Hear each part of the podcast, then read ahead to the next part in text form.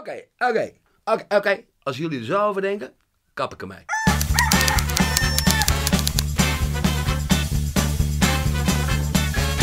Rood, wit, bruin, geel, arm, rijk, vuilnisman, directeur. Geloof me, ik herken een glapert zodra ik er een zie. En glapers die hadden het zwaar op straat. Het kon lang duren, kon kort duren, maar vroeg of laat kwamen ze de verkeerde tegen. En dan had je wel een probleem. Een heel zwaar en dik probleem. En heb ik het dan nooit meer gehad? Ja, zeker wel. Dat was bij... Vertel, vertel, vertel, vertel, vertel. Dat was bij Mark Rutte. Want de eerste keer dat ik hem zag was echt een jong brokkie. Toen hoorde ik hem keurig de economische crisis van 2008 hoorde ik hem voorspellen. Knap eigenlijk, hè? Zo jong en dat dan zoveel weten. Is knap. Dus wat mij betreft ben je echt dan een baas en mag je ook presidentje spelen ook. Maar ja, iets constateren is geen garantie dat je ook iets kan fixen. Want zeg nou eens eerlijk. Wat heeft hij nou echt zo vreselijk goed gedaan die afgelopen twaalf jaar?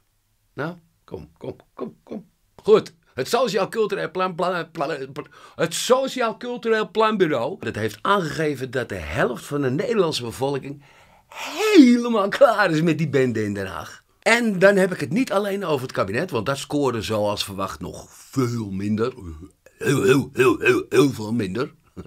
Nee, meer dan de helft van het volk, van het Nederlandse volk, dat is klaar met alles wat rondloopt daar op het Binnenhof. Meer dan de helft. Een veelgehoorde klacht is dat de politiek niet in staat is de grote problemen op te lossen. En dat is logisch, want daar heb je heel veel brains voor nodig. En laten we wel zijn, de echte bollebozen, de gasten waar je echt wat aan hebt, die gaan na een studie niet voor een paar kraken met een reet in zo'n blauwe stoel zitten. Nee, nee, nee, nee. Die gaan cashen, miljoenen, als CEO's bij zo'n megalomane bedrijf. Ja!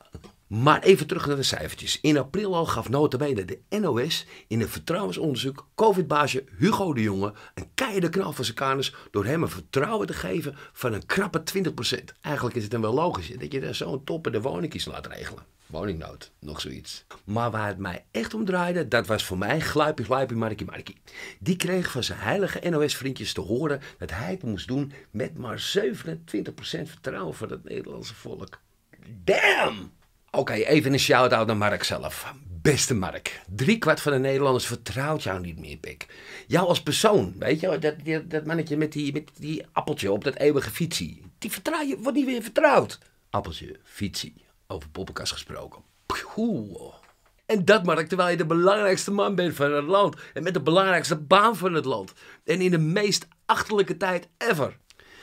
Drie kwart, Mark. Drie kwart van het volk zegt politiek geen zak meer aan je te hebben. En vooral je niet te vertrouwen. Je bent de glaper dus.